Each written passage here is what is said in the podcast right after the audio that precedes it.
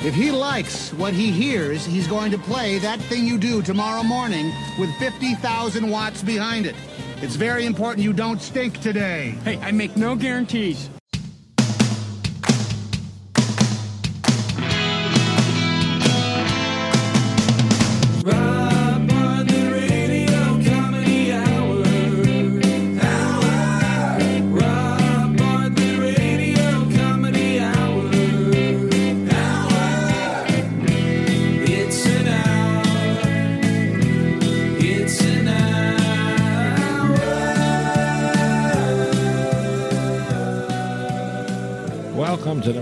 Bartlett Radio Comedy Hour. I am Rob Bartlett. This is my Radio Comedy Hour. I want to thank everybody for all the emails and posts on our social media outlets about uh, my first episode on Elementary, the first episode for Captain Dwyer as his story begins. It's going to get better as the weeks go along. I promise you. It's a real for real story arc, much much more than the one when I did The Good Wife as Bernie Bukovitz, or uh, when I played Milton Schoenfeld in Law and Order SVU. You know, I re- I realize uh, I was born a Roman Catholic, but I've pretty much played a Jewish guy most of my career on stage, Broadway, Mr. Mushnick in Little Shop of Horrors, Speed, the guy with the cigar and Odd Couple he didn't have a last name, but he was definitely Jewish because everybody in a Neil Simon play is Jewish. Herman in Sweet Charity, again, no last name, but Neil Simon. So uh, I think I have to do Fiddler on the Roof because I got to do Tevye before I retire, just so I can complete the set. Tonight we're going to do something a little different. Tonight we're going to try something I call film forensics. Basically, I'm going to serve as a medical examiner and dissect a movie, uh, a favorite movie, really do a deep dive on it. We'll do this from time to time. Tonight, one of my all time favorite movies, in my humble opinion, quite possibly the best thing that Tom Hanks has ever done. Forrest Gump, Philadelphia, Big, Splash, Castaway, they're all fine. But that thing you do ranks as one of the greatest movies ever made about rock and roll, or the 60s for that matter. It's it's damn near perfect. It's one of those movies where when you're surfing the channels looking for something to watch, because you've already gone through everything you've DVR'd, there's nothing on a bajillion channels, not to mention Netflix and Hulu and Amazon Prime, and yet there's still nothing on. But you stumble across that thing you do, and no matter where it is in the movie, you're in. You're in for the rest. It's it's imminently rewatchable. There's a couple movies like that. Um, the Big Lebowski. I am not Mr. Lebowski. You're Mr. Lebowski. I'm the dude. So that's what you call me, you know? Uh, that or uh, his dudeness or uh, duder or, uh, you know, El Duderino if you're not into the whole brevity thing. Shut the fuck up, Donnie. Vagina. Christmas Vacation.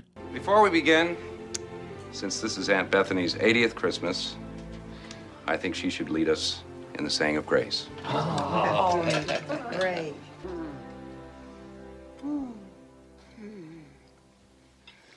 I pledge allegiance to the flag of the United States of America and to the republic for which it stands.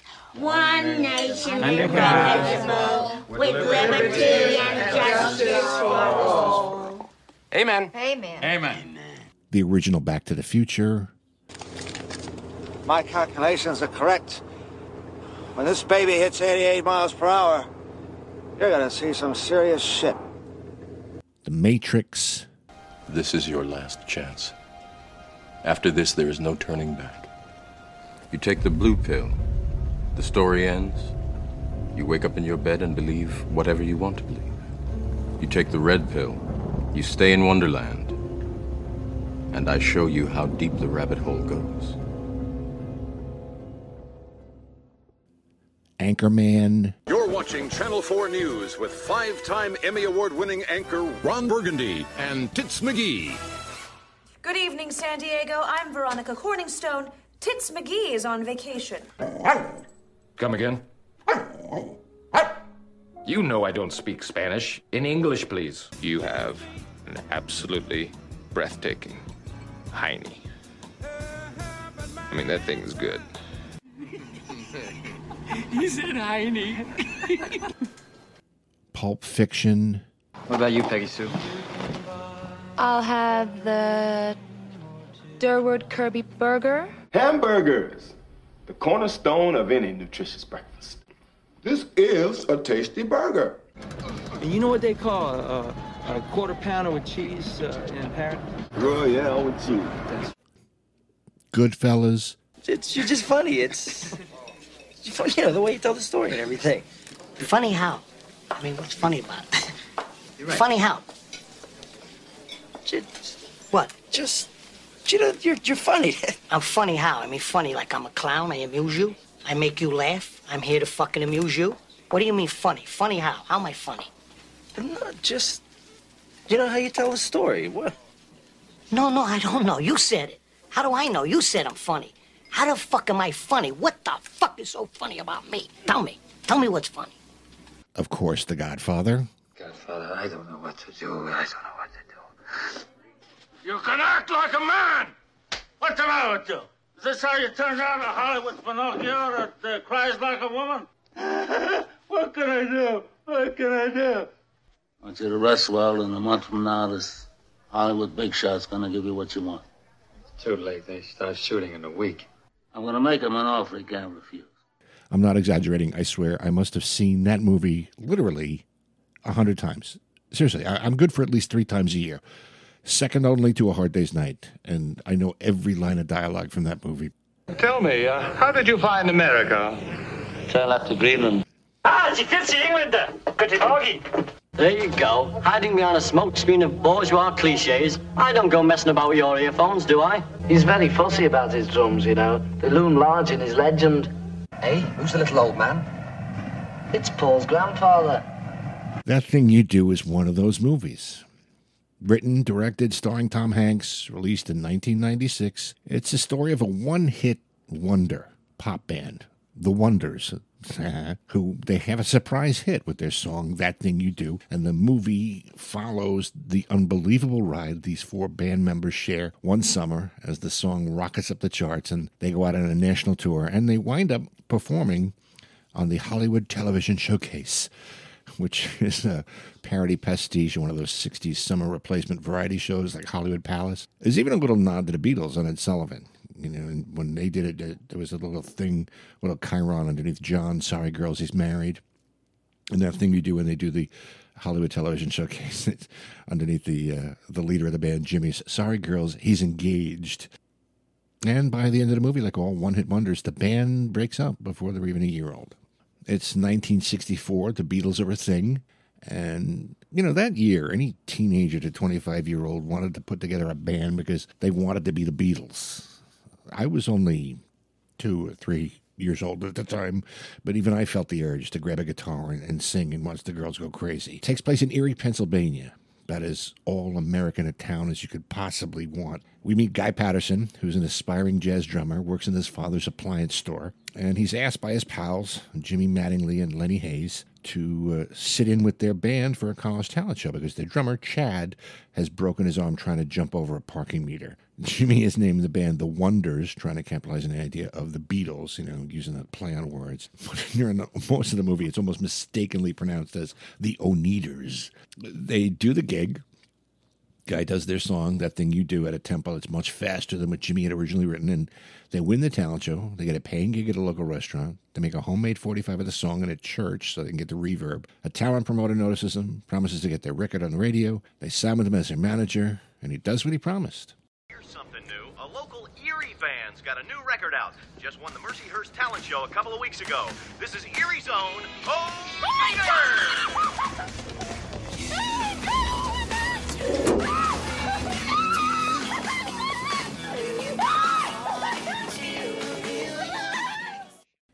the attention to detail Tom Hanks has done with this movie. You know, he wrote a lot of the other music in the picture for the other artists on the Playtone Galaxy of Stars. That's the label the Wonders eventually signed with. A song called I Love You Lots and Lots by the Norm Wooster Singers. One of those Mitch Miller kinds of songs the Beatles wound up blowing out of the water. You got me all tied up in knots, and I'm loving you lots and lots. I'm just loving you lots and lots. I'm loving you lots and lots. He also wrote theme from Mr. Downtown, which was supposed to be some private detective TV show theme done by this Dion character, Freddie Fredrickson. For the man with the badge in the night. What's his name? Mr. Downtown.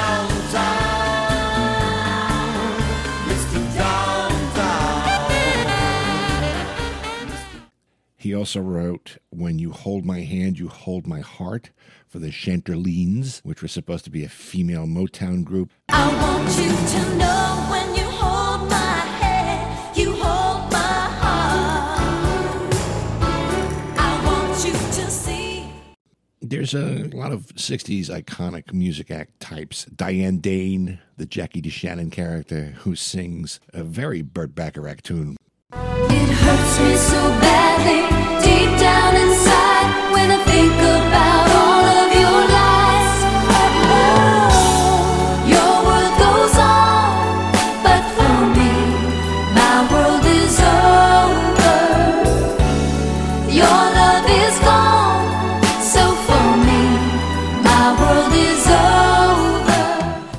If you don't have it, you, have to get the soundtrack. It's it's one of the best '60s pastiche records ever recorded.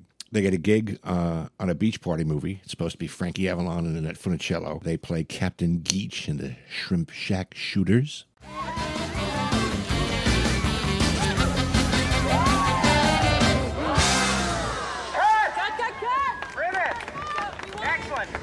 You know, we look like a bunch of chimpanzees. No, we look like a rock and roll band playing a rock and roll song during weekend at Party Pier. Yeah, here's the thing. We're not the Wonders right now. We're Captain Geech and the Shrimp Shack Shooters. Hey, good news, fellas. You get to keep your wardrobe. It's all this love letter to that time, and it's damn near frame by frame perfect. Everybody in it is amazing. From Tom Everett Scott, who is uh, Tom Hanks' lookalike. He almost didn't get the part, apparently, because of that. He plays Guy Patterson, the drummer that uh, rockets the Wonders to brief superstardom. Steve Zahn, who is drop dead funny as Lenny the guitarist, to Jonathan Embry, who is the bass player, never actually named in the movie. Charlize Theron in one of her first movies, playing Guy's stuck up girlfriend Tina, and then Jonathan Skech. Skech. I don't know how you pronounce his name. He plays the douchey Jimmy, which was uh, typecasting, because apparently he's a douche in real life. He used to be married to Christina Applegate, and if you do Christina Applegate wrong, you are the scum of the earth.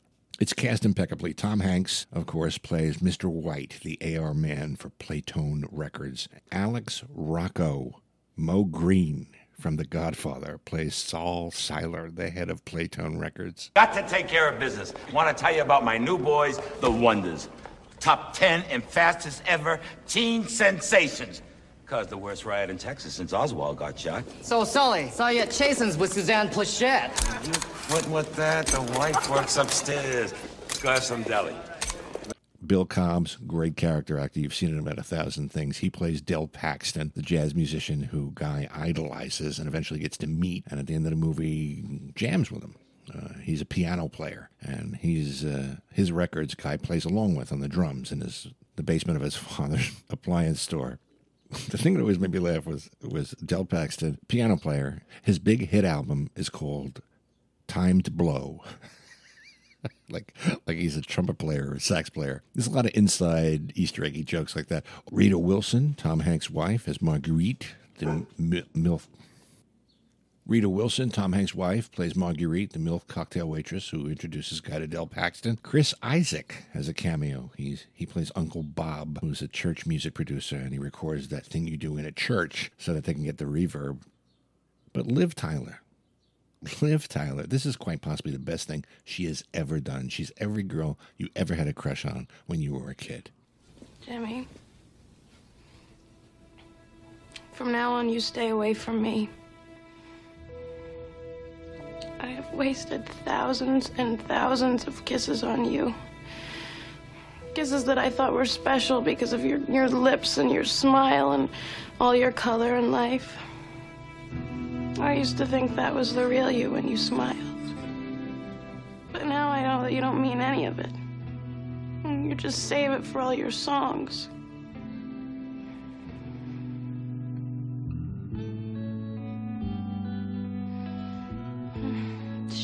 Me for kissing you with my eyes closed so tight. Movie was released on October 6th, 1996. Budget was $26 million.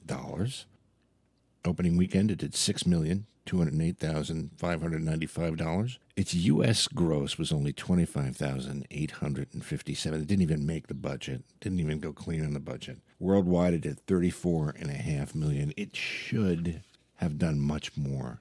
It wound up being a much bigger hit, you know, cult hit on, on cable when it, it, the, the song, That Thing You Do, was nominated for Best Song at the Academy Awards, but it lost.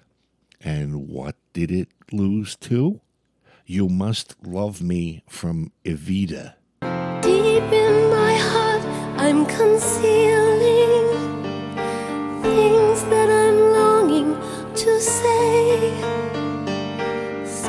to confess what I'm feeling. Frightened you'll slip away. Really? It was released worldwide in Mexico, Argentina, Venezuela, and Peru. The movie is known as Eso que tú haces. In Canada, the movie is called Les Wonders. In Italy, that thing you do is known as graffiti musicali. Music graffiti. I don't know anybody who doesn't love this movie. And the reason for it, I think one of the reasons for it, is the song itself. They must play it five, six, seven times during the movie, at least, and and most of the time all the way through. But it never gets old because it's that good a song. Uh, written by Adam Schlesinger from Fountains of Wayne, sung by him and Mike Viola from the Candy Butchers, another power pop band. It's about the catchiest earworm of a song you've ever heard. I mean, it's so good. It's been covered a billion times in all different kinds of arrangements. Uh, there's a couple of high school marching bands who've done it up on YouTube. In Sync did a cover.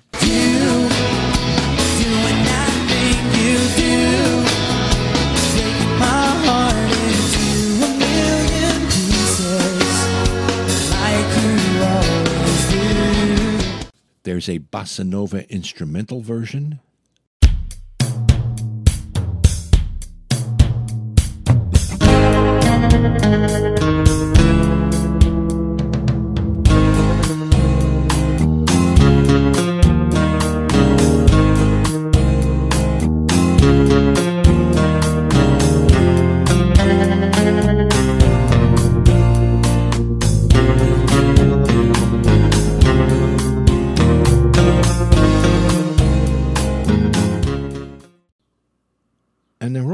Because it's that good of a song. You can sum up this movie in the quote from Tom Hanks when he inducted the Dave Clark Five into the Rock and Roll Hall of Fame. He's a you know a fan geek, obviously of that genre of music, and he said the true product was joy, unparalleled, unstoppable, undeniable joy, the joy to be alive, the joy to be young. That's pretty much it. I mean, it's kind of about the first euphoric moment when a song was the only thing in life that mattered. Well, there you have it. That thing you do. Great movie. If you haven't seen it, why the hell not? See it today, tomorrow. But don't see it Thursday, because Thursday night you have an appointment, 10 o'clock Eastern Standard Time, elementary. Captain Dwyer, second episode in the story, directed by Jonny Lee Miller. DVR it because Friday's episode we're going to do a watch along. I'm going to do a uh, simultaneous commentary. We'll watch together, so check that out. Our program produced by Gary Grant and me, Rob Bartlett. Written by me, Rob Bartlett, with my pal Andrew Smith. The Rob Bartlett Radio Comedy Hour theme song written by Gary Grant, recorded and performed by Steve Mecca. No animals were harmed in the recording of this podcast. We'll see you again tomorrow, boys and girls, in the Rob Bartlett Radio Comedy Hour. And until then, be good to each other, won't you?